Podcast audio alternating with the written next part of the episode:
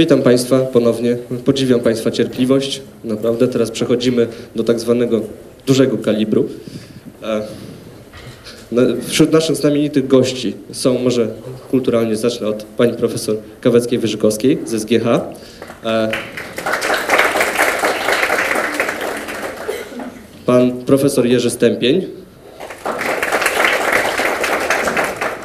Pan profesor Kranz oraz oraz pan dr Rudolf Ostrychański. Przede wszystkim bardzo miło nam Państwa powitać. Tytuł naszego panelu brzmi Czego zabrakło w traktatach prawa Unii Europejskiej, a realia kryzysu. Zostałem poproszony o moderację tego panelu, co jest dla mnie naprawdę wyjątkowym zaszczytem w tak znamienitym gronie e, i bardzo się z tego powodu cieszę. Poproszono mnie również o Mówiąc kolokwialnie, pewne zagajenie tej dyskusji i długo się zastanawiałem, w jaki sposób to zrobić. Tutaj była mowa o pewnej setce, ale pomyślałem inaczej, ponieważ mam pewnego swojego drobnego idola, jeśli chodzi o Trybunał Sprawiedliwości, którego niestety już tam nie ma, co bardzo żałuję. To jest Luis Miguel Pueres Pessoa Maduro. Naprawdę Moi studenci wiedzą o kogo chodzi, mam nadzieję. Lepiej, żeby wiedzieli. I teraz tak, ponieważ nawiązując i, i tworząc pewną kontynuację tej debaty, e, dużo się tutaj wcześniej, we wcześniejszych godzinach pojawiło haseł pod tytułem katastrofa, Europa jako skansen, przeregulowanie.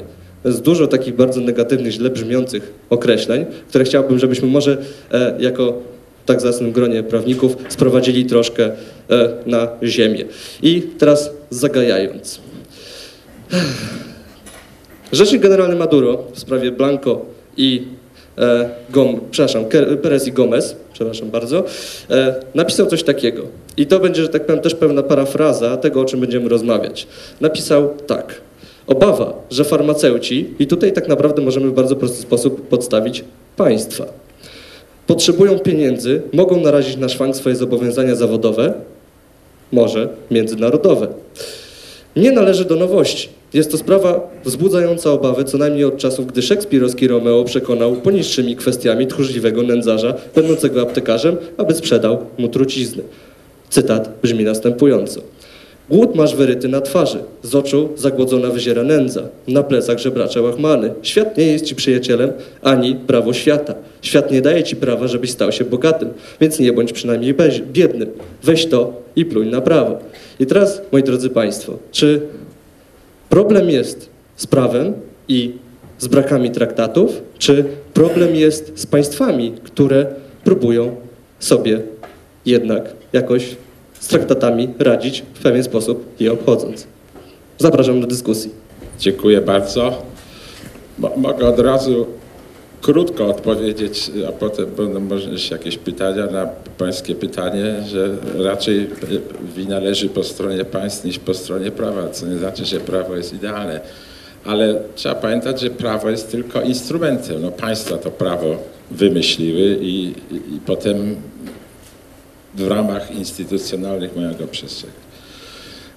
Ja postaram się parę takich y, prawnych pojęć wprowadzić na początku, a potem w, ramach tych moich siedmiu minut parę słów powiedzieć o tym kryzysie, skąd on się wziął, przynajmniej z, prawnego punktu widzenia, jak to wygląda, ale to czy nie wchodząc w nadmierne szczegóły.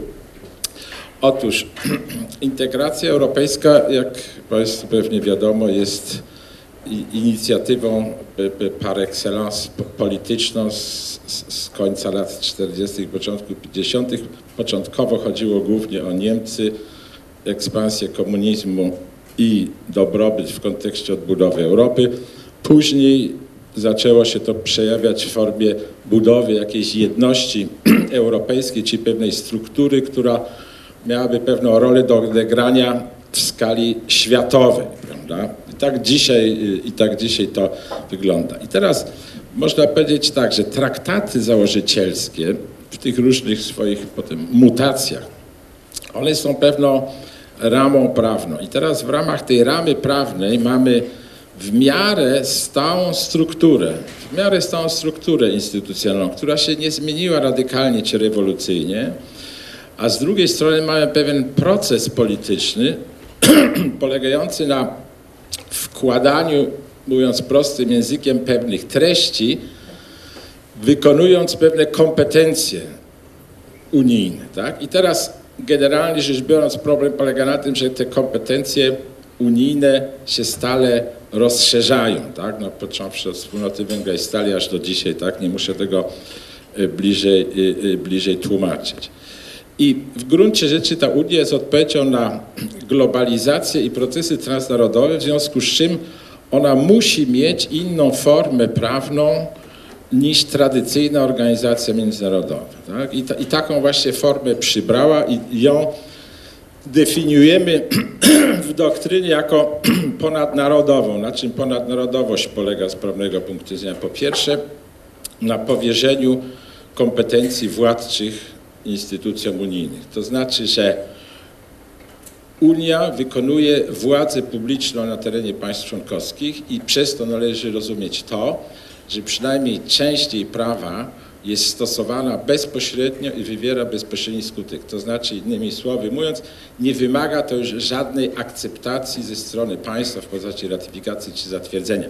Więc to otwarcie drzwi na to, żeby z zewnętrznego źródła wchodziły przepisy prawne czy normy prawne, które tworzą pewną całość z tym krajowym porządkiem, to jest charakterystyczne dla tego przekazania, czy polska konstytucja mówi przekazanie, lepiej jest mówić o powierzeniu, bo, bo, bo, bo to jest nie tylko przekazane, ale coś więcej, prawda? Po drugie mamy tę równowagę instytucjonalną, Komisja, Rada i Parlament, nie wnikając w szczegóły, w procesie prawodawczym, tak? Żadne z tych, żadna z tych instytucji nie może sama czegoś zrobić, prawda? Czyli to jest to, co z grubsza mówimy o metodzie wspólnotowej.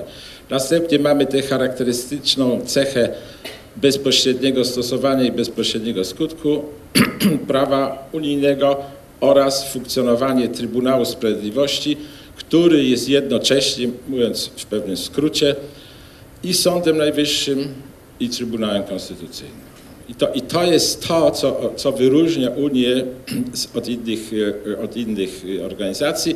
I mówiąc w pewnym skrócie, cztery podstawowe swobody Y, unijne, tak, swoboda przepływu kapitału, usług i towarów nie są możliwe, czyli stworzenie jednolitego rynku nie jest możliwe w innej formie. Znaczy w tradycyjnej formie współpracy międzynarodowej można o tym zapomnieć. To jest niemożliwe. No więc dlatego trzeba było coś nowego wymyśleć. Teraz te struktury się też charakteryzują jako strukturę federalną. Tak? Tutaj powstaje wiele nieporozumień, dlatego że y, Unia od samego początku ma, znaczy w sensie już wspólnoty europejskiej, potem dalej do Unii, jest od początku, o czym nie wszyscy wiedzą, strukturą o cechach federalnych, bezsprzecznych, aczkolwiek nie jest państwem federalnym. I ten federalizm, on, i tu jest częsty błąd, który się popełnił, on dotyczy pewnej struktury władzy w Unii, ale nie z zakresu kompetencji. To, czy Unia ma trochę więcej kompetencji, czy trochę mniej kompetencji, to jest pewien problem polityczny, który się negocjuje w traktatach, prawda? Widzimy to, to stałe rozszerzanie, ten drugi, trzeci filar i tak dalej.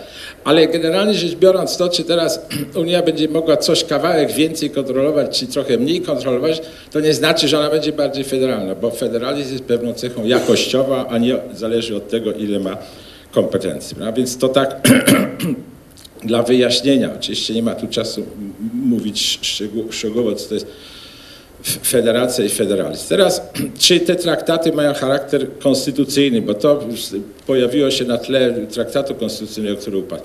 O, oczywiście, że mają, tylko że nie są konstytucją y, państwa. Tak? Jak popatrzycie Państwo na statuty niektórych organizacji międzynarodowych, one mają w nazwie konstytucję. Tak? Więc konstytucja to jest taki akt, fundamentalny akt danej struktury, który, który y, y, dokonuje podziału władzy i przewiduje pewną kontrolę, prawda? I następnie wyznacza pewne cele i oparty jest o pewne wartości. Teraz można się zastanowić, czy traktaty wspólnotowe czy unijne mają taki charakter. No oczywiście, że mają, bo dzielą kompetencje między państwa między państwa a, a Unię, prawda, mają pewną aksjologię, bo to jest już na dzisiaj mówiąc karta praw podstawowych, prawda, i demokratyczne zasady prawa państw członkowskich, no i cele też są wyznaczone. Więc jak gdyby tutaj y, y, trzeba unikać tych, y, tych nieporozumień. Teraz co się tyczy już samego, samego kryzysu, skąd się ten kryzys wziął i czy prawo mogło jakieś w jakiś sposób nie wiem, przeszkodzić. Otóż y, prawo mieliśmy od początku, znaczy już od traktatu z Maastricht. Tak? Generalnie rzecz biorąc, defekt Unii Gospodarczo-Walutowej polega na tym, że się wprowadza y, jedną walutę, tak, od 2000, dobrze mówię, drugiego roku, tak, z tym okresem przejściowym i jest jednolita waluta, a jest bardzo słaba koordynowana polityka gospodarcza, a w ogóle minimalny wpływ na politykę fiskalną. Tak? Czyli to było od początku wiadomo, to wszyscy wiedzieli w 1992 roku.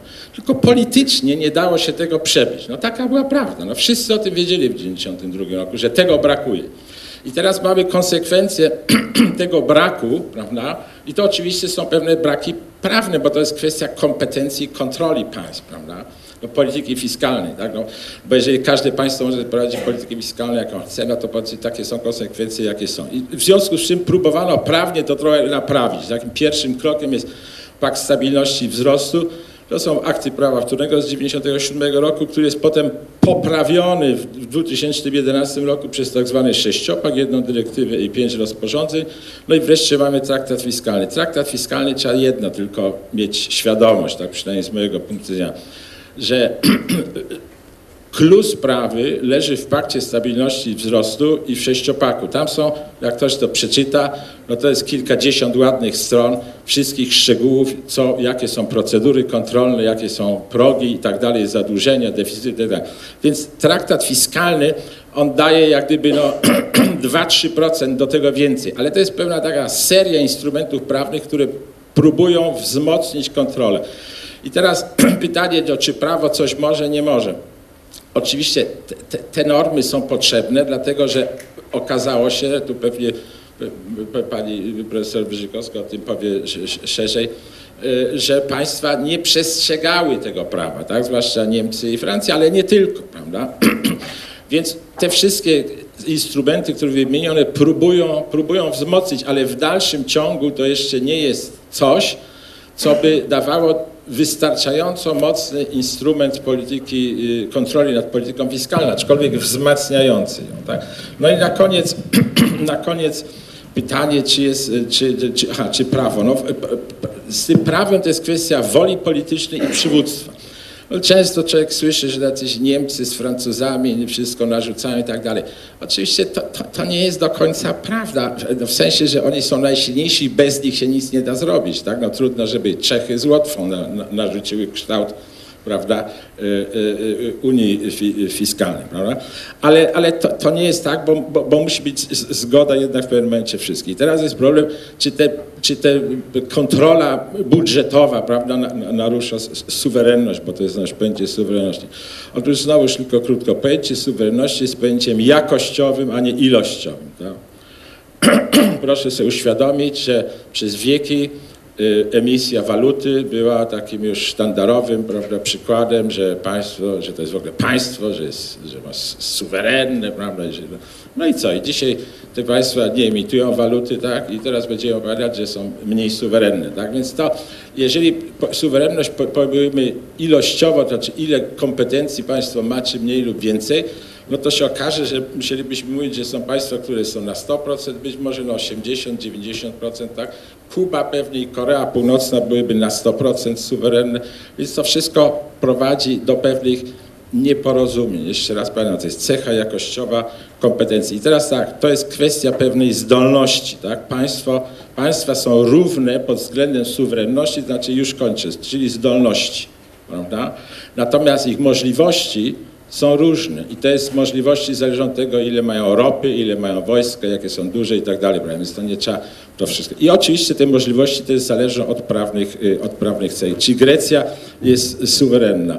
No można powiedzieć, że Grecja jest zdolna wprowadzić program naprawczy, tylko czy ona chce i w jakim stopniu może to politycznie zrobić, to jest kwestia Grecji, ale Grecja była też suwerenna, jak wszyscy Grecy i jej rząd patrzyli na ten rozwój, który oni dokonywali w wyniku zadłużenia swojego państwa. Tak? No to była, co to była decyzja narzucona przez Niemcy, Francję i Unię Europejską. Także widać, że, że tutaj jest masa, masa y, y, nieporozumień i być może w, w dyskusji to jeszcze wyjdzie. Dziękuję bardzo. Dziękuję bardzo panie profesorze. Teraz poprosimy pana profesora Jerzego Stępnia o zabranie głosu. Proszę bardzo. Dziękuję bardzo. E, Ja nie mogłem uczestniczyć przed południem e, w, w tej dyskusji, ale e, zapytałem po przyjściu, czy decyzja o rozwiązaniu Unii przed południem zapadła i dowiedziałem się, że, że jednak nie, że, że prawie tak, ale, ale jednak nie. No więc chciałem po pierwsze powiedzieć, że Unia jest odpowiedzią na dramat, czy raczej tragedię II wojny światowej. Przecież wcześniej, okresie dwudziestolecia e, międzywojennego w Europie były ruchy paneuropejskie, które próbowały tworzyć jakąś rzeczywistość ogólnopaństwową, ale one się nie udawały. No przecież pomysł, pomysły na różnego rodzaju konstytucje europejskie, nawet w Europie się, w Polsce się pojawiły, prawda, w okresie powstania listopadowego. e, Jego uczestnik w chwilach wolnych, nie wiem jak on to robił, ale od walk napisał e, projekt konstytucji dla Europy. Ale te wszystkie projekty się nie, nie udawały. Natomiast udało się to po wojnie. Dlaczego? Dlatego, że zaczęto tę Unię budować od dołu. Od tych traktatów powoli, powoli e, w coraz większym stopniu tworzono pewne wspólnoty, pewne przestrzenie wspólnej, wspólnego działania. I to jest ten sukces Unii. E, e, Jest znane, że Churchill wojnie proponował, żeby powstała, powstały Stany Zjednoczone Europy, ale jednocześnie Wielkiej Brytanii nie widział w tych Stanach Zjednoczonych, prawda? Więc, e, a, a teraz Wielka Brytania jest w Unii, więc na pewno to nie, ani od początku nie miały być Stany Zjednoczone i nigdy to nie będą Stany Zjednoczone. To jest po prostu specjalny projekt, taki sui generis. Nie wiadomo, czym Unia będzie za rok, czy za dwa, czy za trzy. Ja uważam, że to będzie jakaś rzeczywistość prawno-finansowa i polityczna oczywiście, ale jaki będzie kształt, tego się nie da, nie da przewidzieć. Co więcej, żadne zastane konstrukcje, konstrukty prawne, jakieś teorie prawne właśnie o suwerenności, nie wiem, federacy, federacyjne, y, czy, czy tego rodzaju konstrukcje, one w ogóle nie pasują do, do tego tworu. On jest po prostu inny. To po pierwsze. Po drugie, ja właściwie powiem, powiem szczerze, że e, bardzo wiele zrozumiałem z jednej wizyty e, w Trybunale, w Europejskim Trybunale Sprawiedliwości w, Luksemburgu, gdzie jeszcze nie byliśmy w Unii i zaproszono sędziów Polskiego Trybunału po to, żeby zapoznać ich po prostu e, z tym, z tym organem bliżej. I przyznam się szczerze, największe wrażenie na mnie zrobiła opowieść o Trybunału sekretarza Europejskiego Trybunału S- e, Sprawiedliwości, który powiedział, na czym polega istota pytania prejudycjalnego. Mianowicie on powiedział tak, że gdyby, wtedy to był rok 2004, mówi tak, gdyby 20 lat temu politycy wiedzieli, do czego doprowadzi pytanie prejudycjalne, to nigdy by się nie zgodzili na jego wprowadzenie. I zaczął opisywać po prostu procedurę. Każdy sąd, ka, każdy sędzia unijny w małym, najmniejszym sądzie może zadać pytanie o zgodność prawda, e, z prawem europejskim, jakiego, jakiegoś rozwiązania krajowego. Ten jego wniosek jest przetłumaczony na wszystkie języki unijne, prawda, wysłany do poszczególnych krajów, do poszczególnych rządów, które muszą odpowiedzieć na, na, ten, na ten problem. Następnie odpowiedzi tych wszystkich krajów przychodzą e, w swoich językach oczywiście, są następnie tłumaczone na te pozostałe języki i wysyłane do krajów e, pozostałych po to, żeby się mogli ustosunkować do tego, co rządy tych krajów napisały za pierwszym razem. W następnej kolejności to wszystko jest zbierane jakoś do kupy i zaczyna na tym pracować Europejski Trybunał Sprawiedliwości, prawda, Rzecznik Generalny. Tam jest taka bardzo ciekawa, ważna in- instytucja tego Rzecznika Generalnego, takiego jakby Rzecznika Interesu Publicznego, który przygotowuje taką wstępną koncepcję rozstrzygnięcia, do której sędziowie właściwie się odnoszą już. Nie muszą jakby odkrywać Ameryki czy Europy na nowo. W następnej kolejności e, wydane zostaje orzeczenie, które jest tłumaczone na tych e, 20 e, ileś języków, prawda? Bo tam nie 27, tylko 25 czy 23, tak? Jest tłumaczone. No, minus jeden, bo oczywiście ten dokument w tym języku jakimś tam konkretnym został napisany. No i ten sąd teraz już wie, jak rozstrzygnąć sprawę, a przynajmniej jak rozwiązać ten problem prawny. No? I ten walec ruszył. I niezależnie od tego, co się będzie działo, to następ, ta główna integracja europejska następuje na tej, na tej poziomie, na tym poziomie. Ja uważam, że to jest bardzo silny fundament, y, który no, tworzy pewną rzeczywistość już nie od, do odwrócenia. Wiadomo, jak są zróżnicowane porządki prawne w poszczególnych krajach, jak daleka jest jeszcze droga e, przed nami do jakiejś unifikacji, nawet takiej z grubsza. Wiadomo, że to wszystko jest bardzo skomplikowane. Jeden z byłych sędziów Trybun- e, ETS-u mi kiedyś powiedział, że e, po sześciu latach, jak się przychodzi do ETS-u, to się ma taką świadomość, że się w ogóle nie zna prawa europejskiego i po sześciu latach kadencji sędzia kończąc tę kadencję, utwierdza się w tym przekonaniu, prawda? To wszystko, to wszystko jest oczywiście szalenie skomplikowane, niemniej jednak tworzy pewną nową rzeczywistość, która tak, podkłada głęboki fundament pod, pod tę wspólnotę. I teraz odpowiadając już na to pytanie, powiem tak, na pewno coś brakło w tych traktatach, skoro trze- potrzebny był sześciopak, skoro potrzebna jest Unia Fiskalna, ale wydaje mi się, że to nie jest problem prawa w ogóle, tylko problem egzekucji prawa. Skąd wzięliśmy w naszej konstytucji przepis o tym, że nie wolno się zadłużać więcej niż 60% z PKB? Z traktatu z Maastricht. A myśmy tego nie wymyślili sami. Co więcej, w komentarzu, największym, chyba najbardziej popularnym komentarzu do Konstytucji, e, można przeczytać właśnie samą krytykę tego rozwiązania konstytucyjnego, e, że niepotrzebnie wprowadziliśmy e, tego rodzaju rozwiązania. Oczywiście autor pisał to parę lat temu, bo dzisiaj by na pewno już tego nie napisał. No, y, y, oczywiście i te 3% y, do, dotyczące budżetu też było napisane w traktacie z Maastricht, już powtarzane w kolejnych tych traktatach europejskich. Więc wydaje mi się, że to jest problem egzekucji, a nie samego prawa, które no, jest takie, jakie jest. Osobiście ja się dobrze czuję w Unii. E, I jeśli chodzi o pozycję, sil, silną pozycję państw, suwerenność, to radzę patrzeć na malutki Luksemburg. Parę razy patrzeć na malutki Luksemburg. Premier Juncker, tak, pochodzący z mojego kraju, który jeszcze 50 lat temu był biednym krajem, naprawdę niewiele różnił się od Polski.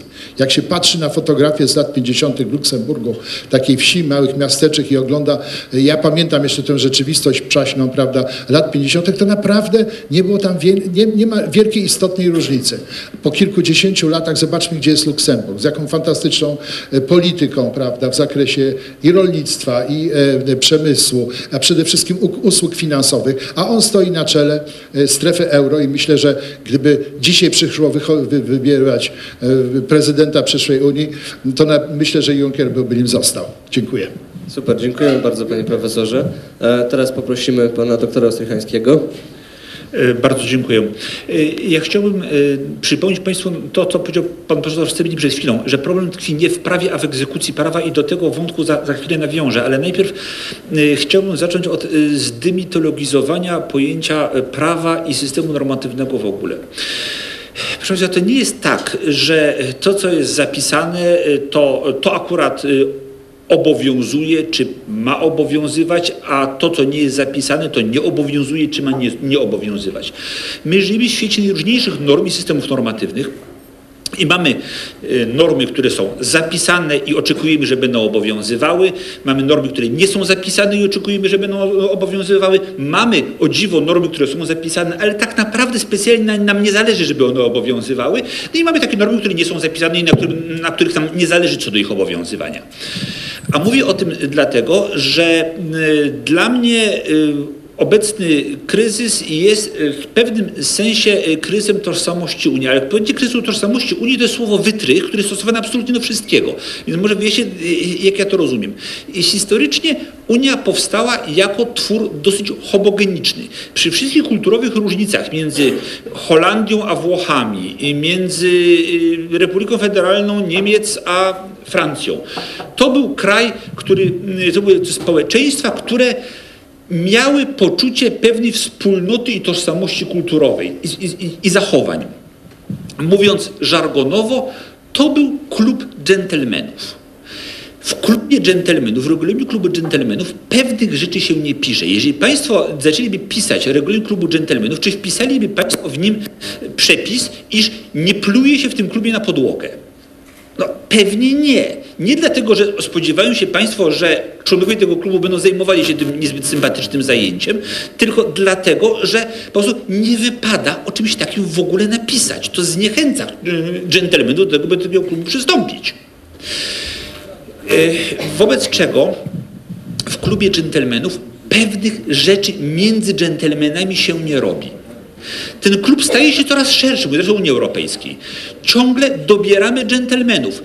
Mamy coraz większe wewnętrzne wątpliwości, czy, czy ci dżentelmeni są rzeczywiście dżentelmenami, no ale jak tu powiedzieć nowo wybranemu członkowi dżent, klubu dżentelmenów, wiesz co, to my może jak ty przyszli, to wpiszemy ten zapis, że nie należy pluć na podłogę. I będziemy tego egzekwowali.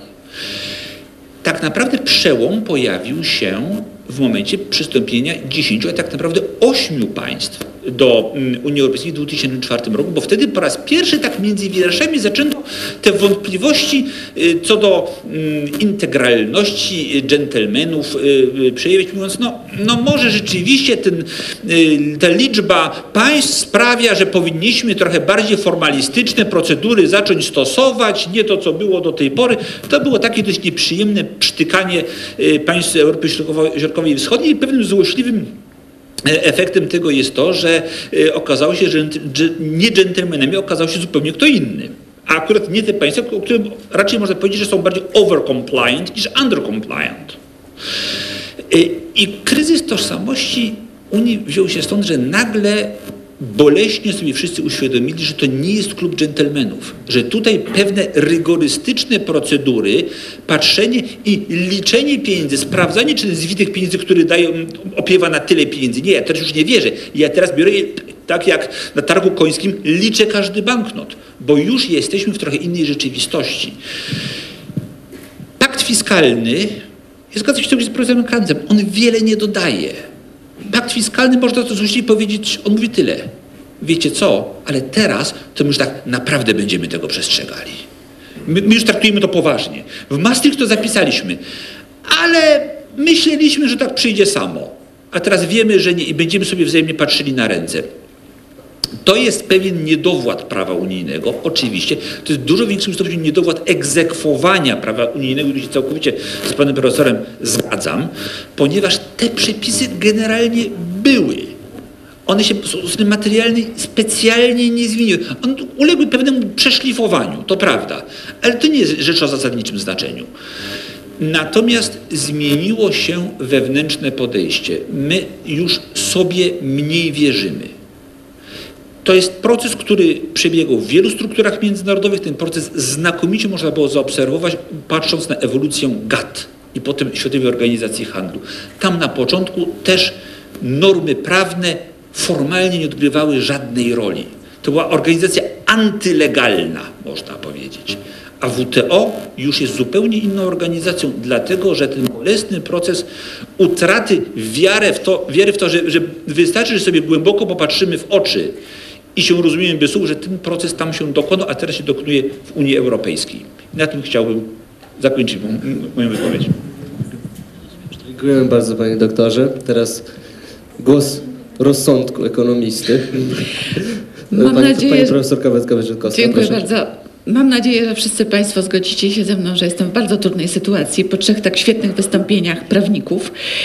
Natomiast tak się dobrze dla mnie składa, że ja jestem ekonomistą i w związku z tym ja się w pełni zgadzam z tym, o czym panowie mówili, natomiast pozwolę sobie zwrócić uwagę na troszkę inne sprawy albo inaczej spojrzeć na to, o czym panowie mówiliście, przynajmniej w niektórych przypadkach.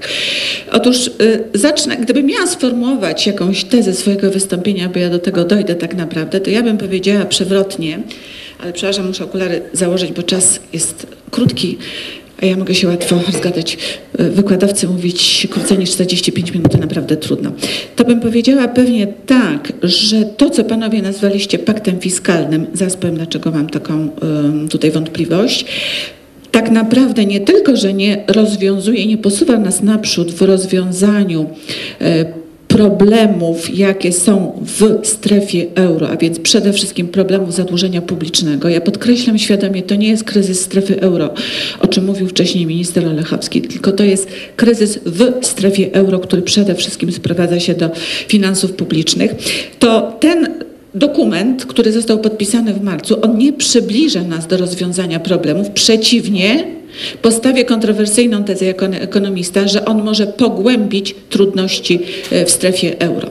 A dlaczego? Spróbuję szybciutko do tego dojść później, ale najpierw dlaczego, powiedziałam, panowie nazwali to i powszechnie się to nazywa paktem fiskalnym.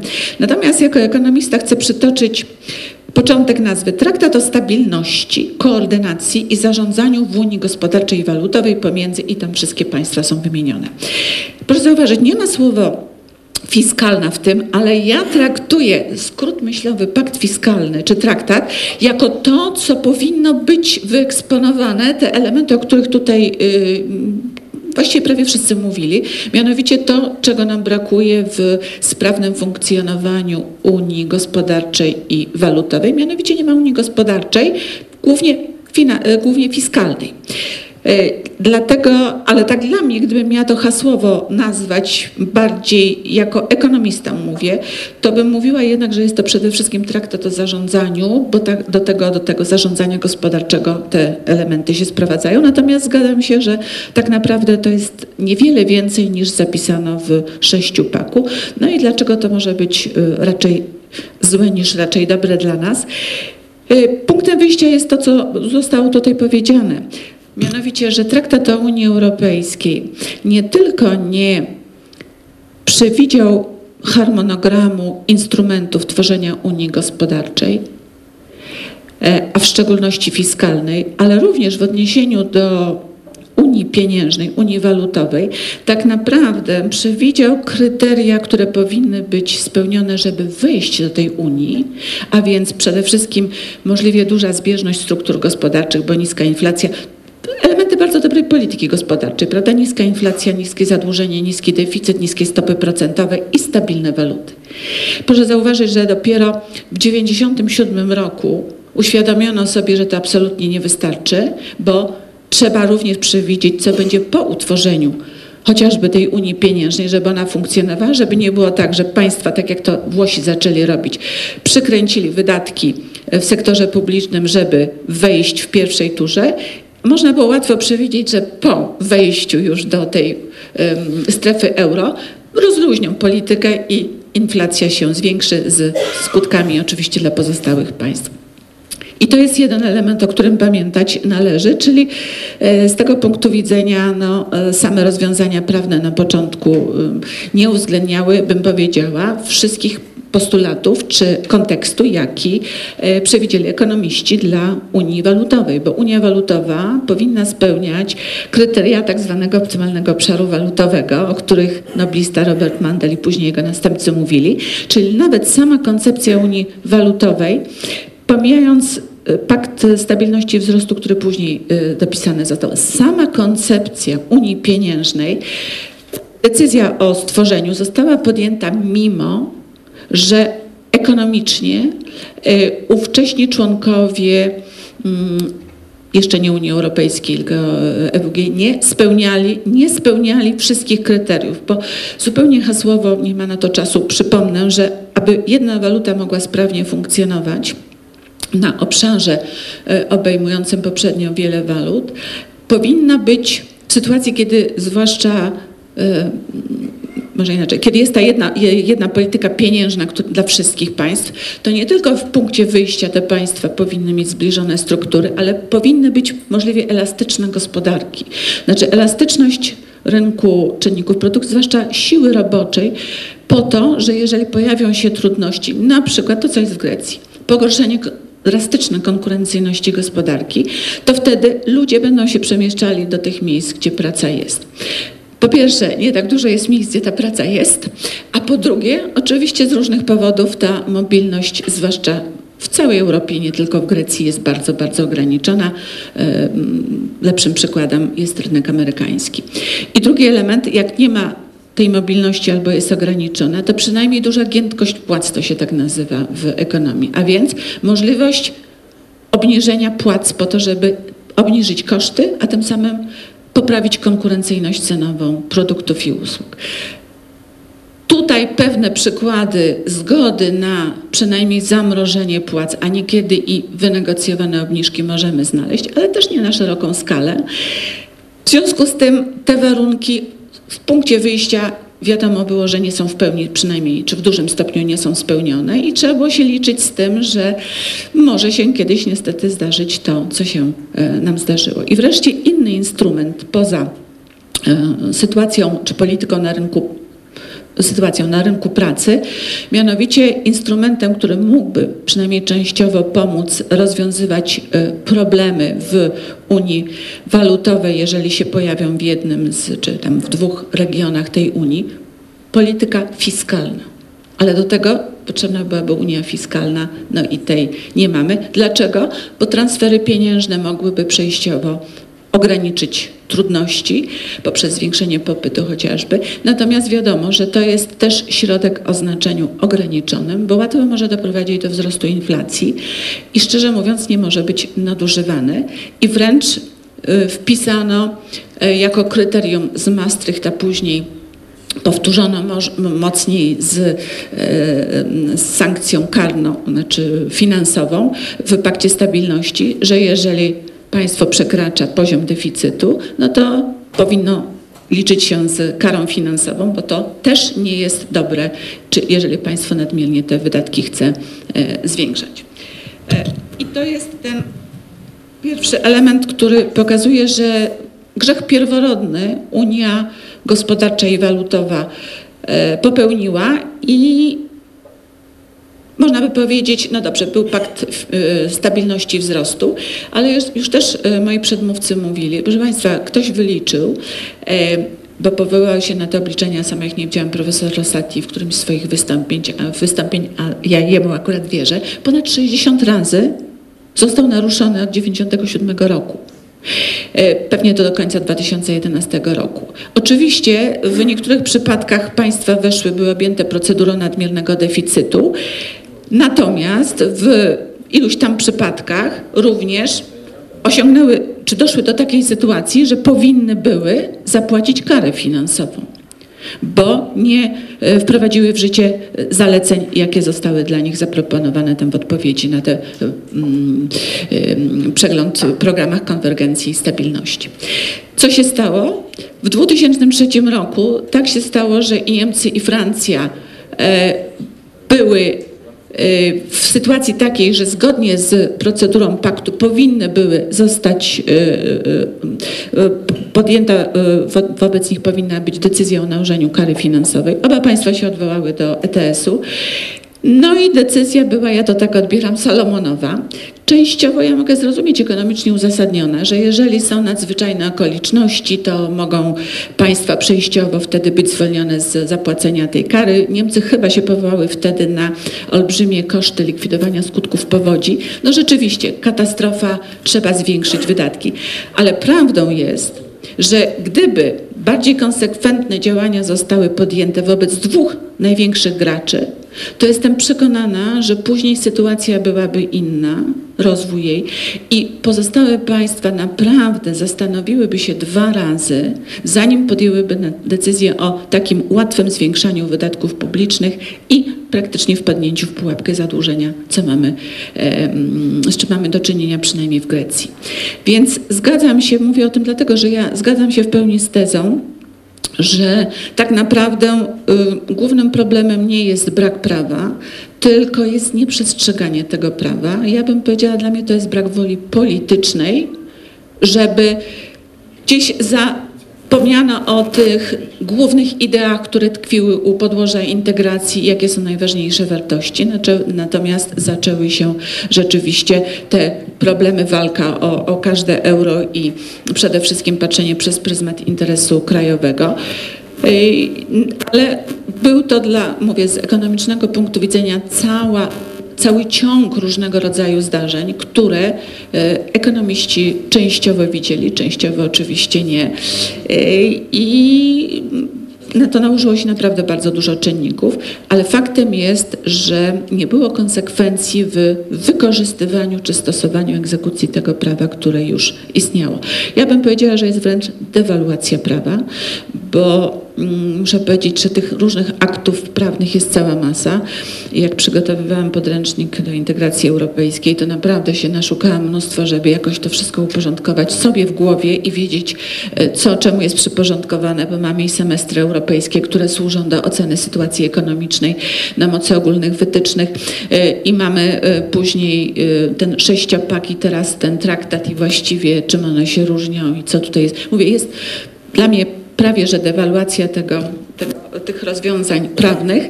Natomiast tak naprawdę, profesor, jak czyta się dokładnie, wszystkie te dokumenty właściwie łącznie z ostatnio podpisanym traktatem dają możliwość tak naprawdę różnej interpretacji, czyli pozostaje kwestią, e, że to jest e, tak naprawdę e, Główny problem sprowadza się do tego, żeby egzekwować prawo. I teraz odpowiedź na, na moją tezę, dlaczego ja powiedziałam, że wręcz ten traktat e, o zarządzaniu może być e, e, instrumentem, który pogorsza, nie poprawi sytuację. Dlatego, że wszystkie dotychczasowe dokumenty unijne zmierzają do jednego.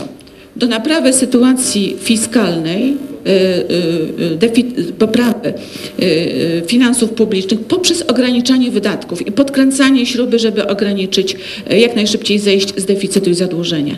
Natomiast zdecydowanie za słabe są instrumenty prowzrostowe i niestety, jeżeli traktat będzie konsekwentnie egzekwowany, to grozi nam to, że Szybko będziemy mieli ograniczenie deficytu, ale również recesję gospodarczą, bo po prostu zabraknie środków, pieniędzy na y, poprawę konkurencyjności i tworzenie nowych miejsc pracy. Dziękuję bardzo. Dziękuję bardzo Pani Profesor. Była to wyśmienita uczta intelektualna, muszę powiedzieć.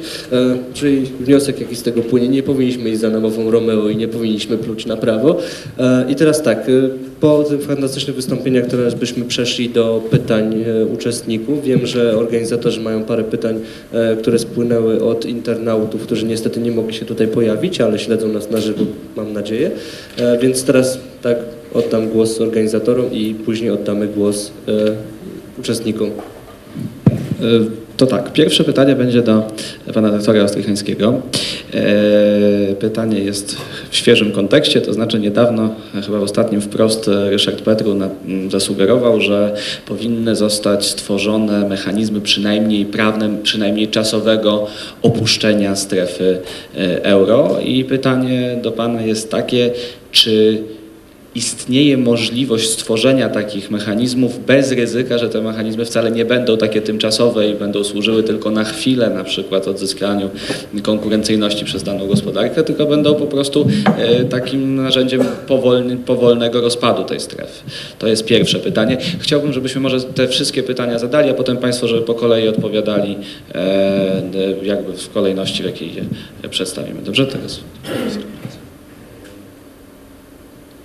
Mm, Teraz będzie pytanie do pana profesora Kranca. E, Panie profesorze, czy e, może się pan pokusić o sugestie, jak mogłyby wyglądać nowe prawne instrumenty redukujące ryzyko postawienia mm, Unii e, dwóch lub postawienia Unii dwóch lub trzech prędkości? Czy tylko w grę wchodziłaby konstytucja dla Europy, czy może widzi pan jakieś inne rozwiązania? Teraz ja jeszcze e, pytanie do pani e, profesor. Czy trochę było o tym mówione, natomiast myślę, że warto, e, to to jest jakby, zresztą korespondują sobie te pytania.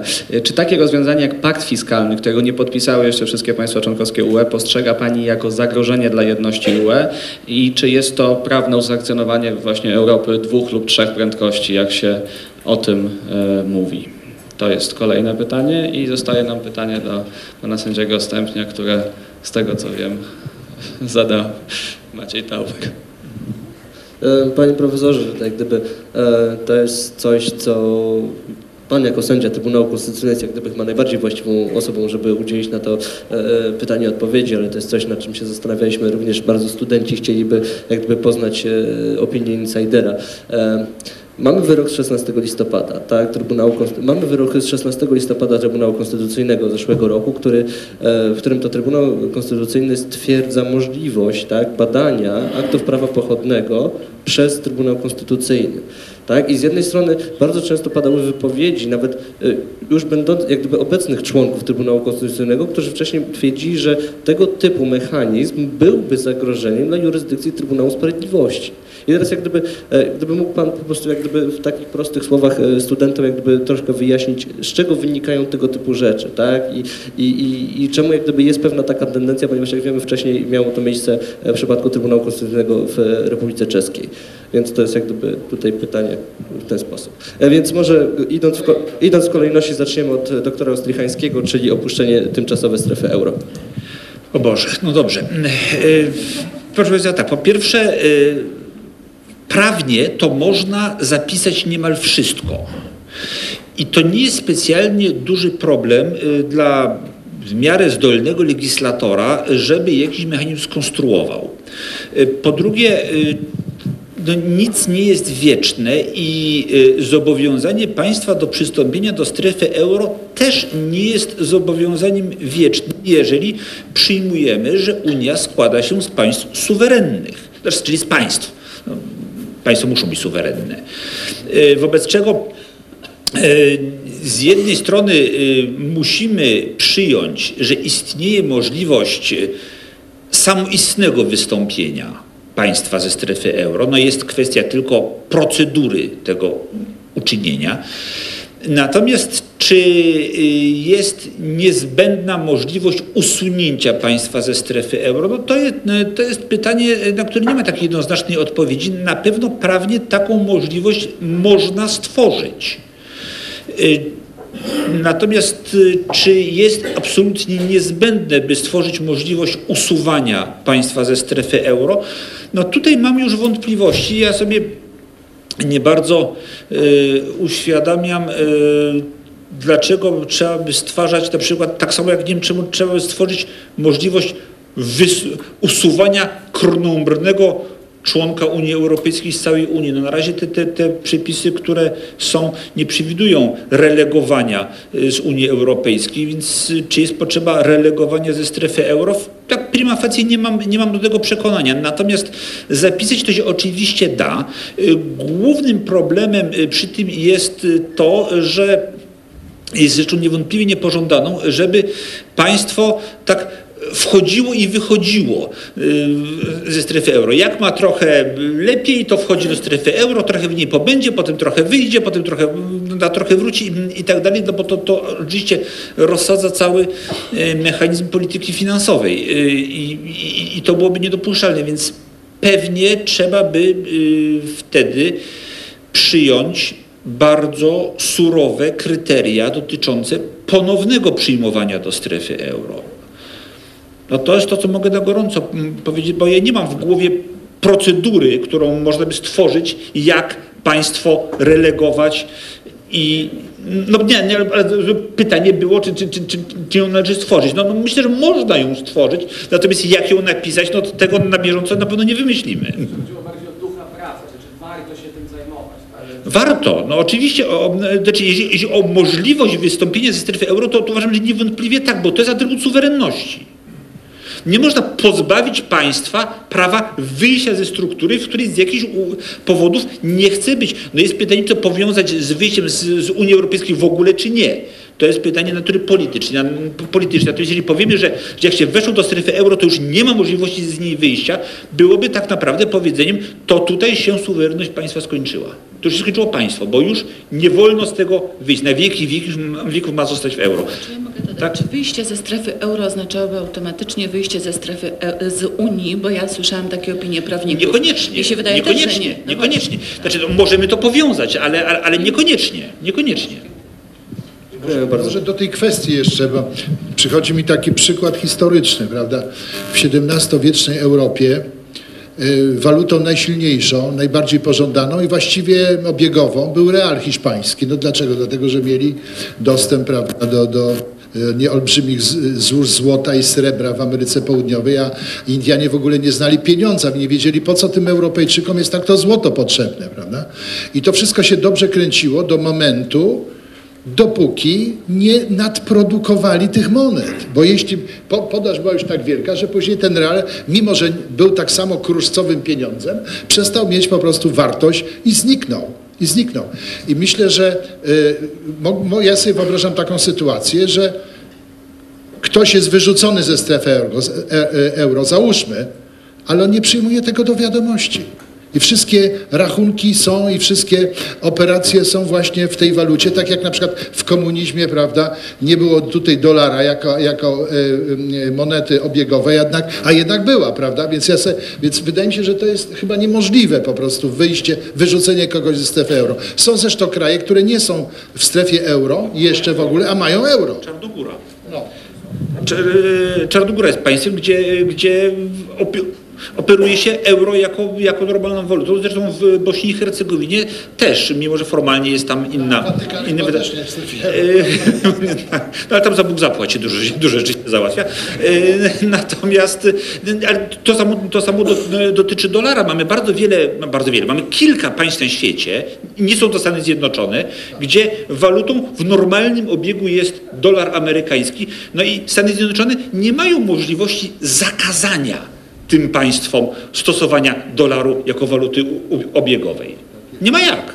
Tak jak w PRL-u posługiwaliśmy się dolarem jako miernikiem wartości w odniesieniu do nieruchomości, do samochodów, mieszkań, etc. etc. To nieoficjalne, tak to jest oficjalne.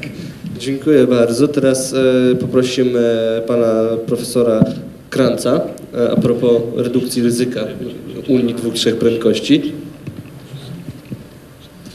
Dziękuję. Tylko może krótko co do tego opuszczenia. Mianowicie, no to pewnie niektórzy wiedzą, że mechanizm y, y, opuszczenia Unii jest przewidziany po raz pierwszy w traktacie lizbońskim z artykułu 50, więc to jest, to jest skomplikowany mechanizm, dwuletni, prawda, ale powiedzmy nie wchodząc w szczegóły możliwe. Natomiast nie ma żadnego, jeśli chodzi o strefę euro. I ja bym powiedział tak, że bo można się oczywiście nad wszystkim zastanawiać, tylko trzeba by tutaj zapytać ekonomistów, którzy by usiedli i przeliczyli. Mianowicie ja mam intuicyjne przeczucie, że już nie mówiąc o y, wyrzucaniu, ale o występowaniu, spowodowałoby to tak poważny bałagan, że być może lepiej jest no niestety trzeba zapłacić cenę za te, za te y, tolerowanie bałaganu przez niektóre państwa i przez Europejski Bank Centralny, przez Komisję, ale wzmocnić być może te elementy prowzrostowe w tych programach naprawczych, żeby powiedzmy za lat 10 czy 15 niektóre państwa wyszły na prosto. To czysto finansowo trzeba do tego podejść, a nie tylko tak, że wyrzucić, opuścić, nie opuścić, prawda? Więc bo to, bo to jest trochę do, do, doktrynalne. Ja bym praktycznie tego podszedł. Teraz czy, czy jakieś instrumenty istnieją by dwóch prędkości?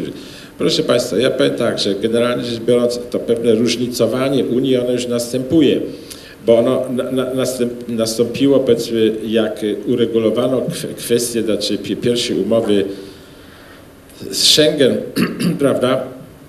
I potem była ta umowa e, dublińska. Z tym, że Schengen jeszcze, jak, jak Schengen, jak tworzono umowę z Schengen, to ten zakres tematyczny nie był jeszcze w kompetencji unijnej.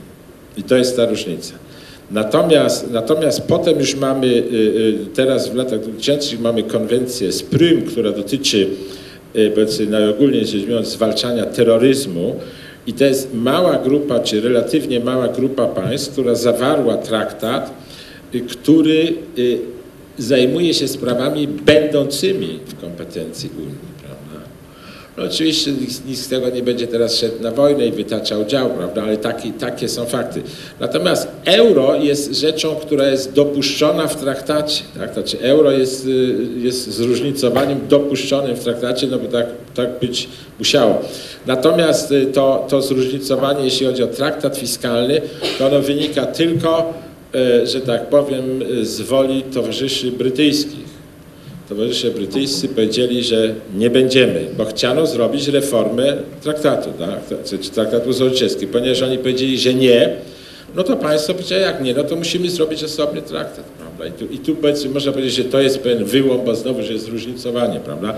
Ale to zróżnicowanie, ono głównie dotyczy dzisiaj, ja bym powiedział, z punktu widzenia ekonomiczno-politycznego, że to państwa w strefie euro, chociaż nie wszystkie oczywiście, ale w tej strefie euro się najwięcej koncentruje decyzji, które potem znajdują pewne odzwierciedlenie w, w, w, w innych działach i na innych, znaczy na posiedzeniach innych gremiów typu, typu Rady y, y, y, Unii Europejskiej.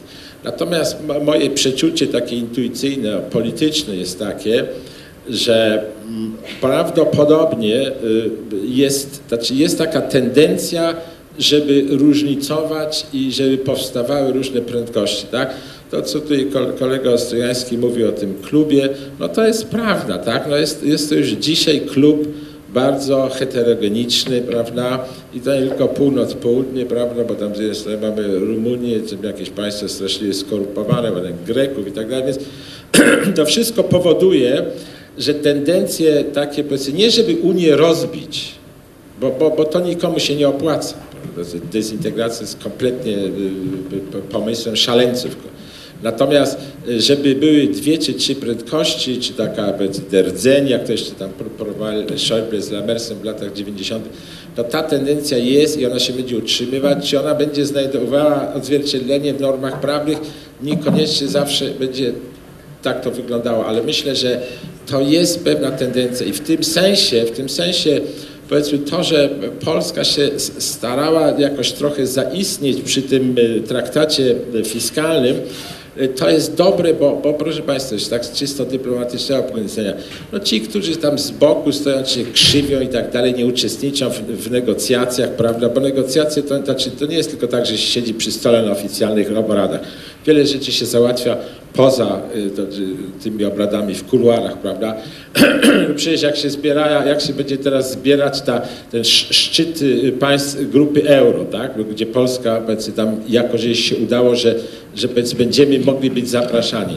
No to i tak na posiedzenia e, e, e, Eurogrupy, czyli na posiedzenia ministrów finansów nie będziemy zapraszani. A tam będzie cała dyskusja przygotowana, bo przecież możecie sobie wyobrazić, że na szczytach to oni tylko załatwiają sprawy przygotowane na szczeblu eksperckim, a potem ministerialnym. Przecież ministry, czy szefowie państw i rządów nie prowadzą negocjacji na jednodniowym posiedzeniu. Więc po prostu to jest coś takiego, co się, co się rysuje i szykuje, prawda? I, i dlatego być może to, że byśmy powinni do strefy euro w pewnym momencie wejść jest, jest trafne, bo, bo w moim odczuciu to, to jest, tutaj się będzie pewne rzeczy różnicować. Także te, to zróżnicowanie jest nie do uniknięcia. Natomiast prawo tutaj powiedzmy nie, nie za dużo ani zepsuje, ani pomoże. Czy, można, czy można jeszcze uzupełnić, y, co to Naturalnie, do, do, do prędkości? Ja chciałem zwrócić Państwa uwagę na to, że y, z różnicowaniem sytuacji w państwach Unii Europejskiej mamy do czynienia od y, dawna i to po traktacie z Maastricht, to co y, obecnie nazywa się przestrzenią y, wolności, bezpieczeństwa i sprawiedliwości, że nie obejmuje Danii i w pewnym zakresie nie obejmuje Wielkiej Brytanii. I jeżeli chodzi o obrót cywilnoprawny w ramach Unii Europejskiej, to Duńczycy są poza zasięgiem rozporządzeń, które ten obrót regulują. I teraz jeśli popatrzymy na to, jak to wygląda w praktyce, to owa izolacja Danii, która zresztą była na ich wyraźne życzenie w, w traktacie y, z Maastricht wprowadzona, w gruncie rzeczy bije bardziej w interesy Duńczyków niż kogokolwiek innego, bo, bo to przedsiębiorcy i, i podmioty uczestnicy procesów duńscy mają większe problemy z y, obrotem transgranicznym i, i, i procesami transgranicznymi niż pozostali y, y, uczestnicy sporów względem Duńczyków, bo dlatego, że, że po prostu mm, to tak się rozłożyły proporcje. Y, Więc to nie jest tak, że Unia jest monolitem i teraz się zaczynają dopiero rysować pęknięcie i zróżnicowania. One istnieją od dawna. Natomiast rzeczywiście nie było takich zróżnicowań y, w, w kwestiach o pierwszoplanowym znaczeniu politycznym. I dlatego obecnie ten temat na pewno jest tak y, popularny, nośny, czy wywołuje tyle, tyle komentarzy, że dotyczy zagadnień, które są istotne politycznie, ale w sprawach technicznych to się dzieje od dawna.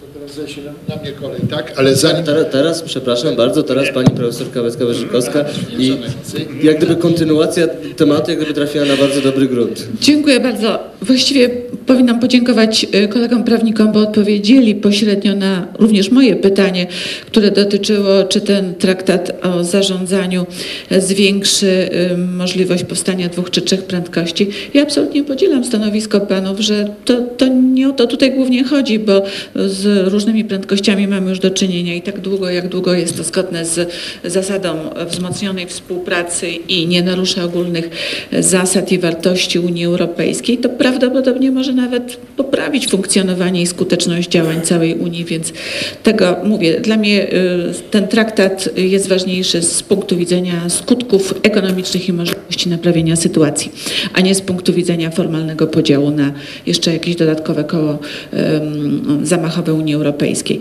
Natomiast jeżeli mogę, jakiś komentarz a propos jeszcze wypchnięcia czy usunięcia ze strefy euro.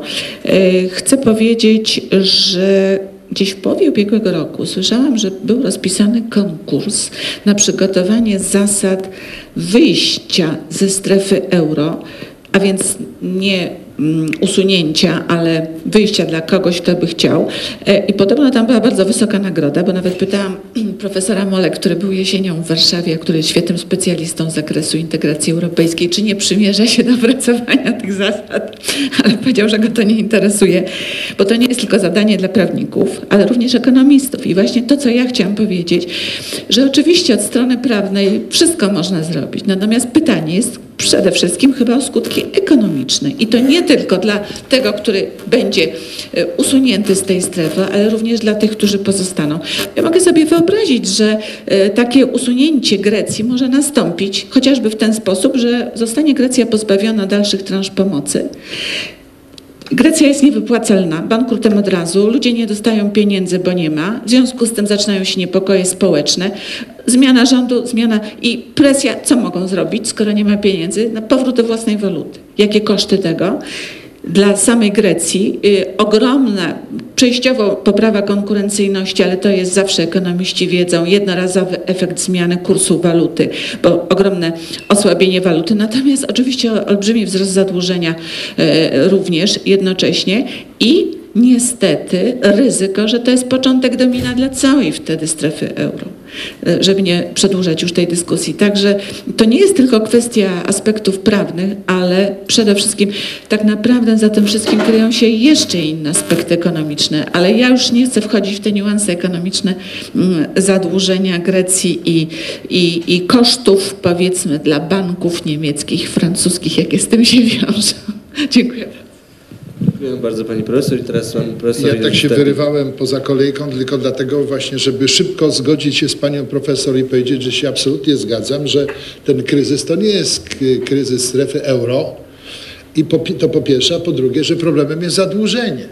To, I to, to jest oczywiste. Notabene nie cieszmy się specjalnie, że my jesteśmy w dobrej sytuacji, prawda, relatywnie w stosunku do innych krajów, bo popatrzmy na nasze zadłużenie, prawda, i jak to wygląda i co to może być za, za, za nie wiem, czy, no czy za kilka lat, może w przyszłym roku. Ja uważam, że jesteśmy, stoimy przed bardzo poważnym wyzwaniem. Natomiast odpowiadając na e, to pytanie bezpośrednio do mnie skierowane, Muszę na początek powiedzieć, że jestem tro, trochę w trudnej sytuacji, ponieważ właśnie tak na marginesie, tutaj na boku wymieniliśmy sobie takie uwagi z profesorem e, Astychańskim i ustaliliśmy, że trzeba odróżniać prawo od ustaw. To już w starożytnym Rzymie odróżniano lex, czyli coś napisanego, od jus. Profesor tego uniwersytetu, pan Wołodkiewicz, kiedyś udowodnił, że w starożytnej łacinie słowo jus y, oznaczało to, że rosół wywarł zupę. Czyli coś, co po prostu dobry kucharz robi z przepisu kulinarnego. Czyli lex, te wszystkie ustawy, łącznie z traktatami europejskimi, to jest tylko przepis na zupę. Żeby z tego można było zrobić zupę, to trzeba umieć ją zrobić. Mało tego, jeszcze nie wystarczy przestrzegać tego przepisu. Ja pamiętam, zawsze mnie wzruszało, jak moja mama wymieniała się e, przepisami kulinarnymi, prawda, z, przez telefon z przyjaciółkami, to mówię, a męki, mąki to tyle, ile zabierze, prawda, czyli nie określało się tego w ogóle, prawda, w gramach, tylko ile zabierze, prawda. No, w każdym bądź razie do tego są potrzebni właśnie mądrzy sędziowie, dobre sądy, które dobrze interpretują, bo do, norma prawna powstaje dopiero w procesie interpretacji przepisu. Jeśli tak, popatrzymy na to zagadnienie, to w takim razie co bada Trybunał Konstytucyjny? Co bada Trybunał Konstytucyjny? Normę czy przepis? Ja należę do tych, którzy mówią, Trybunał Konstytucyjny bada przepis pod kątem zdolności tego materiału legislacyjnego do zbudowania w przyszłości poprawnej normy prawnej. Jeśli na przykład tak było jeszcze w czasie, kiedy byłem w Trybunale, okazało się, że 15, myśmy tak, no skoro 15 średnio inteligentnych osób nie jest w stanie zrozumieć, co jest napisane w tym przepisie, to na pewno jest niekonstytucyjny, prawda? Bo taki przypadek też mieliśmy, prawda? No, więc właśnie, czy to, czy to się w ogóle nadaje do, do wywiedzenia z tego, do zrobienia z tego rosołu normy prawnej, prawda? I teraz popatrzmy co, na to w, w tej perspektywy pytania bardzo trudnego i bardzo ciekawego. No dobra, że my możemy powiedzieć sobie, że trybu, Polski Trybunał Konstytucyjny, a także wszystkie inne Trybunały Konstytucyjne czy Sądy Najwyższe, tam gdzie nie ma Trybunałów Konstytucyjnych, mogą kontrolować wtórne prawo europejskie, bo że mogą pierwotne kontrolować, to jest oczywiste. Natomiast wtórne prawo europejskie, z tym jest problem. Możemy tak powiedzieć. Ale co to oznacza? To oznacza, że w perspektywie nieodległej będziemy mieli 27 porządków prawnych no to w takim razie to nastąpi dezintegracja Unii, prawda? Co więcej, po naszym orzeczeniu, mówię tutaj o tym orzeczeniu Trybunału Konstytucyjnego, które tak naprawdę nie przesądziło tej kwestii, czy Trybunał bada prawo wtórne, bo sędziowie powiedzieli, gdyby w przyszłości powstała taka możliwość, to tylko wtedy, kiedy byłaby skarga konstytucyjna. I tylko wtedy, czyli nie na skutek jakiegokolwiek wniosku, tylko na skutek skargi konstytucyjnej, która jest która zmierza do obrony konstytucyjnych praw i wolności. To tylko w takim zakresie można byłoby to robić. Ale w tej sprawie to nie zachodzi, tak powiedział Trybunał. To nie zachodzi. Ale, ale jednak już coś powiedział, tak? Już coś powiedział. I teraz patrzymy, jaka jest reakcja ETS-u, sędziów ETS-ie. Aha, to znaczy, że co?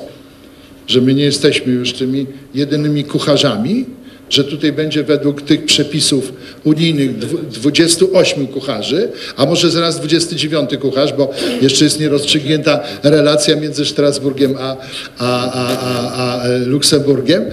To jest, to jest bardzo niebezpieczne. Co więcej, już w Republice Czeskiej powiedzieli, właśnie po tym naszym orzeczeniu, już nie wiem, czy to jest w związku, mam nadzieję, że, że nie myśmy wywołali wilka z lasu tym orzeczeniem, ale Czesi powiedzieli, a my nie damy jakiegoś tam orzeczenia Trybunału, nie będziemy w ogóle przestrzegali, tak? Czyli to, to ja uważam za niebezpieczne, więc wydaje mi się, że w tej sprawie akurat konkretnej Trybunał nie musiał wypowiadać tego, co, y, co powiedział i no, y, mówię to na Wydziale Prawa ze świadomością, że mówię tutaj na zasadzie glosy, a nie jakiegoś artykułu czy jakiegoś stanowiska publicznie wyrażanego gdzieś w debacie publicznej, bo nie chciałbym podważać po prostu pozycji Trybunału Konstytucyjnego Polskiego, ale wydaje mi się, że w tym przypadku mm, napiął mięśnie, napiął mięśnie, pokazał, jacy jesteśmy mocni, ale i tak na razie nie będziemy tych mięśni używali.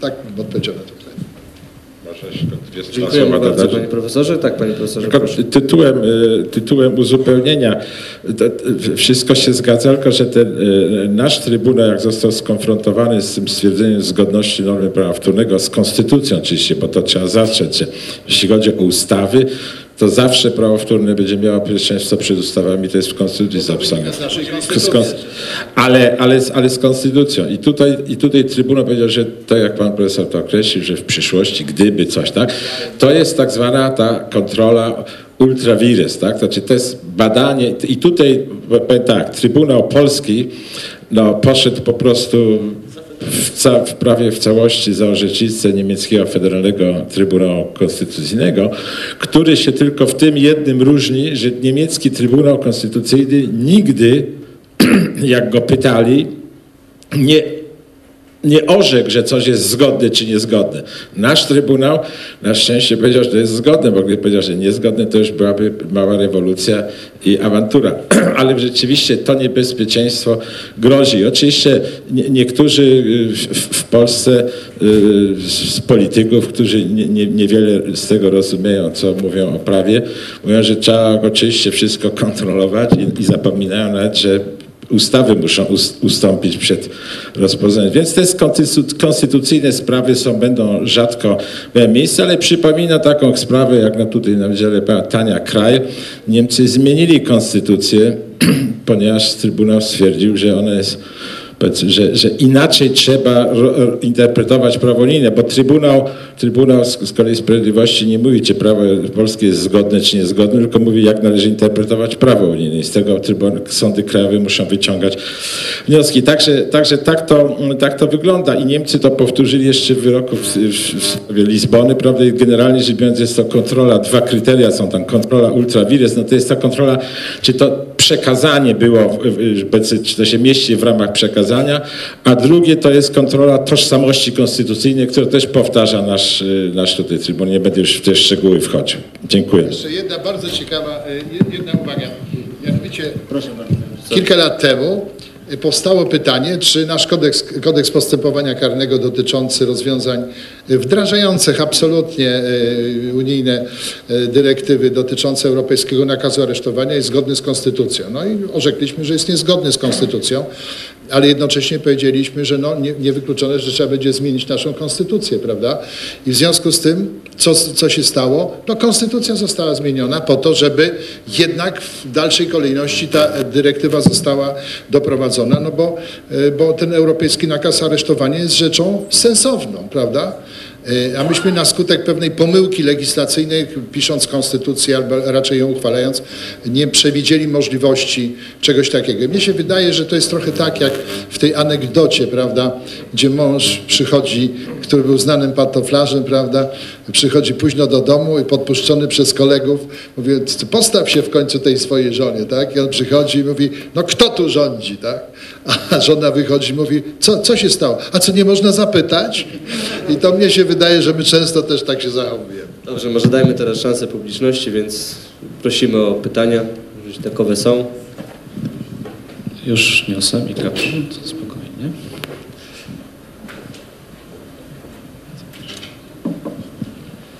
Krzysztof Zdowlak, Wydział Nauk Ekonomicznych UW i Kolegium Prawa ALK. Mam pytanie do pani profesor Kaweckiej-Wyżykowskiej odnośnie tego, co pani wcześniej mówiła o tym przestrzeganiu kryterium 60% e, długu publicznego oraz kryteriów nadmiernego deficytu, ponieważ wiemy, że wielokrotnie tego nie przestrzegano do tej pory. Tak jak pani wspominała, często się spotyka też opinię, że Niemcy i Francja celowo nie naciskali na przestrzeganie tego przez inne kraje, gdyż chcieli sami móc to przekroczyć, bo było im to na rękę. I chciałem spytać, bo mówiła pani, że Niemcy powołali się na wyjątkową sytuację, nie, pierwszy raz nie przestrzegając tego. Podobnie Francja, Włosi, o ile się nie mylę, nigdy nie przestrzegali tych kryteriów, nawet w momencie wejścia do strefy euro. Mieli już powyżej 60% dług publiczny. I jak sobie poradzić z tym, nie, z tym przestrzeganiem tego? Bo na tą chwilę wprowadza się aktywnie te procedury nadmiernego deficytu i się tego przestrzega, ale podobnie było w Stanach po kryzysie w latach 30., że przez pewien czas wprowadzono te restrykcje i przestrzegano, potem je uchylono i mówi się, że to przyczyniło się bezpośrednio do kolejnego kryzysu, który mamy obecnie. Więc w jaki sposób można zapewnić to, że nie będzie znowu nadmiernie wykorzystywane to, to taka furtka awaryjna, że wyjątkowa sytuacja i znowu nie przestrzegamy tych jakże ważnych kryteriów. Dziękuję. Tak, znaczy to pytanie, które nawiązuje do tego, a też trochę do tego klubu dżentelmenów, tak trochę szerzej, więc może do pana doktora Rudolfa Syriańskiego. E, Okej, te kraje to, to, to, to klub dżentelmenów, do których może ktoś wszedł potem tylnymi drzwiami, już niekoniecznie był takim dżentelmenem. E, ale czy nie jest tak, że powinniśmy jednak znaleźć, a jeśli tak, to jakie? Takie mechanizmy, które będą pomagały zrobić z tego nie do końca dżentelmena dżentelmena, z którym będzie można się z powrotem umawiać. Może nie koniecznie siłą, ale jakieś inne rozwiązania. Dzień dobry, Janek Chmielewski, jestem studentem Wydziału Prawa Uniwersytetu Warszawskiego. Ja mam pytanie do profesora Stępnia, czy może, mm, bo ja nie zauważyłem, żeby nasz Trybunał Konstytucyjny tak mocno się powoływał na tą e, na doktrynę tożsamości konstytucyjnej jak Federalny Trybunał Niemiecki. E, Może warto by wykorzystać te zalety e, tej doktryny bardziej w Polsce, jak, jak się pan profesor na to zapatruje? Dziękuję bardzo. Pytanie, które Pan zadał jest bardzo trudne i bardzo ważne, bo no, konkretna nasza obecna sytuacja w dużej mierze wynika właśnie z różnej interpretacji, czy dość elastycznej interpretacji istniejącego prawa, zwłaszcza przekroczenia progu deficytu. Ja chcę powiedzieć tak, że dotychczas tak naprawdę przy ocenie e, mm, funkcjonowania strefy euro brano pod uwagę tylko kryterium deficytu, które względnie pre, precyzyjne jest do e, policzenia i porównania z innymi państwami. E, Natomiast tam, gdzie istnieje możliwość interpretacji, zawsze się trzeba liczyć z tym, że e, może być ona uznaniowa. Na to wyjścia nie ma. Natomiast Komisja generalnie, która przygotowuje w tym zakresie propozycje, działa w interesie całego ugrupowania i można przyjąć, że to jest kwestia później ostatecznej decyzji Rady. Y, Sześciopak i traktat o zarządzaniu wprowadziły kilka nowych elementów, które powinny bardziej doprecyzować y, stosowanie tych y, różnych zasad. Po pierwsze, Równie ważna ma być ocena kryterium długu, bo Pan wymienił kryterium długu publicznego i te państwa, które Pan wymienił, zwłaszcza Włochy, przekraczały chyba rzeczywiście zawsze, ale była interpretacja, że jest tendencja do obniżania, prawda? Czyli po raz pierwszy mamy kryterium długu i to jest jeden element. I po drugie, niestety traktat ten o zarządzaniu, ten pakt fiskalny, wprowadza pojęcie zupełnie nowe deficytu strukturalnego. A deficyt strukturalny nawet dla ekonomisty niestety nie jest precyzyjny, bo to jest właściwie hipotetyczna wartość. Ja nawet przytoczę tu definicję, żeby, że tak powiem, to było precyzyjne, który powstaje w warunkach, gdy dochody i wydatki realizowane są przy pełnym wykorzystaniu zdolności wytwórczych gospodarki, co oczywiście nigdy nie ma miejsca praktycznie.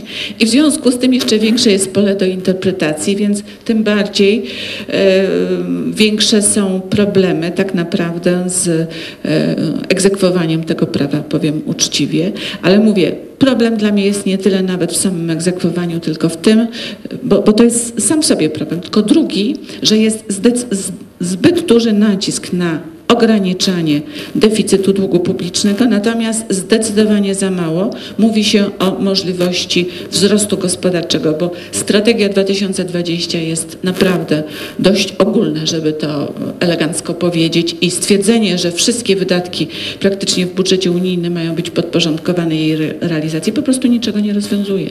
Dziękuję bardzo. Dziękuję bardzo Pani Profesor. Panie Doktorze, proszę. Bardzo dziękuję. Może zacznę od anegdotycznego poziomu odpowiedzi na to pytanie. Wydaje mi się, że dżentelmen, którego trzeba uczyć jak być dżentelmenem, no nigdy tym dżentelmenem nie będzie. Ale ponieważ to słowo, którego użyłem tylko jako bomu, zaczyna żyć jakoś własnym życiem, ja może to jednak trochę to sprowadzę na, na nieco poważniejszy grup. No, no, mówiąc o tym klubie dżentelmenów, chodziło mi o pewien poziom y, państwa prawa, czy praworządności, czy funkcjonowania instytucji wewnętrznej kontroli demokratycznej, który był zakładany wśród wszystkich państw EWG, potem Wspólnoty Europejskiej i Unii Europejskiej. I w każdej organizacji musimy założyć pewien poziom wzajemnego zaufania. No nie możemy kontrolować absolutnie wszystkiego. Tutaj okazało się, że pewien wyjściowo założony poziom y, wiary w siłę y, racjonalizmu integracyjnego kosztem y, krótkookresowych korzyści separatystycznych, ten, ten, poziom wiary był poziomem złym, nadmiernym. I tego, tego skutki teraz wszyscy ponosimy. Czy można e, wywołać reakcję, by państwa, w których e, tendencja do większego podporządkowywania krótkookresowych interesów malała kosztem lepszego zrozumienia, że długofalowo wspólna integracja leży również w interesie tego państwa. Ja jestem przekonany, że tak, że, że ten proces się dokonuje i że takie mówiąc w bardzo głębokim cudzysłowie wychowywanie państw i społeczeństw, że integracja leży tak naprawdę w ich interesie.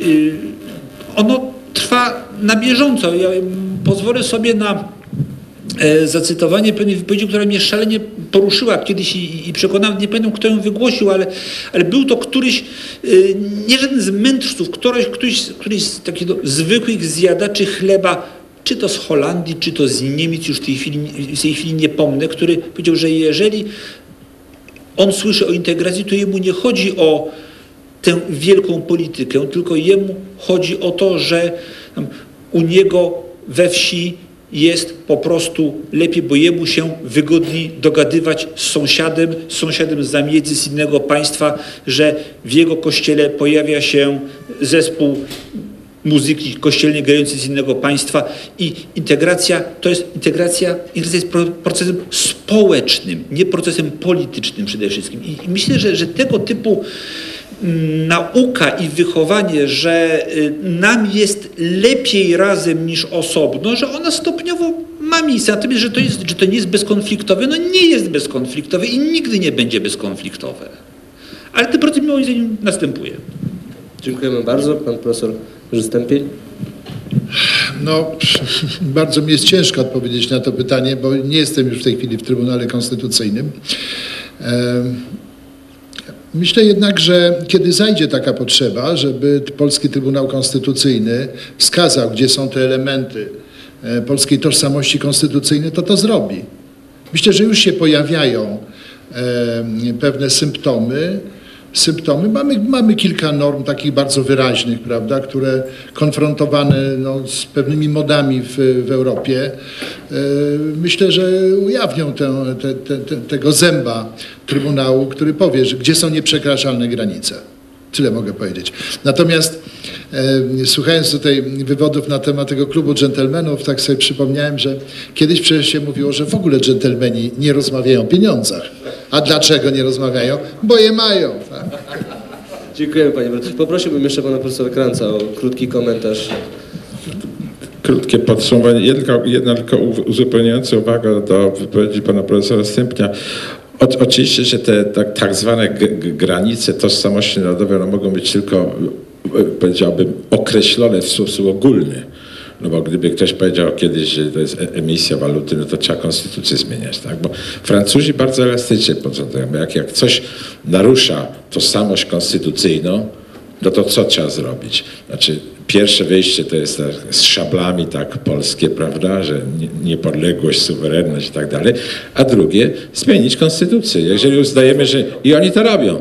Więc to, to jest kwestia oceny, a nie ideologicznych takich wywijasów, które u nas tutaj się od lat stosuje.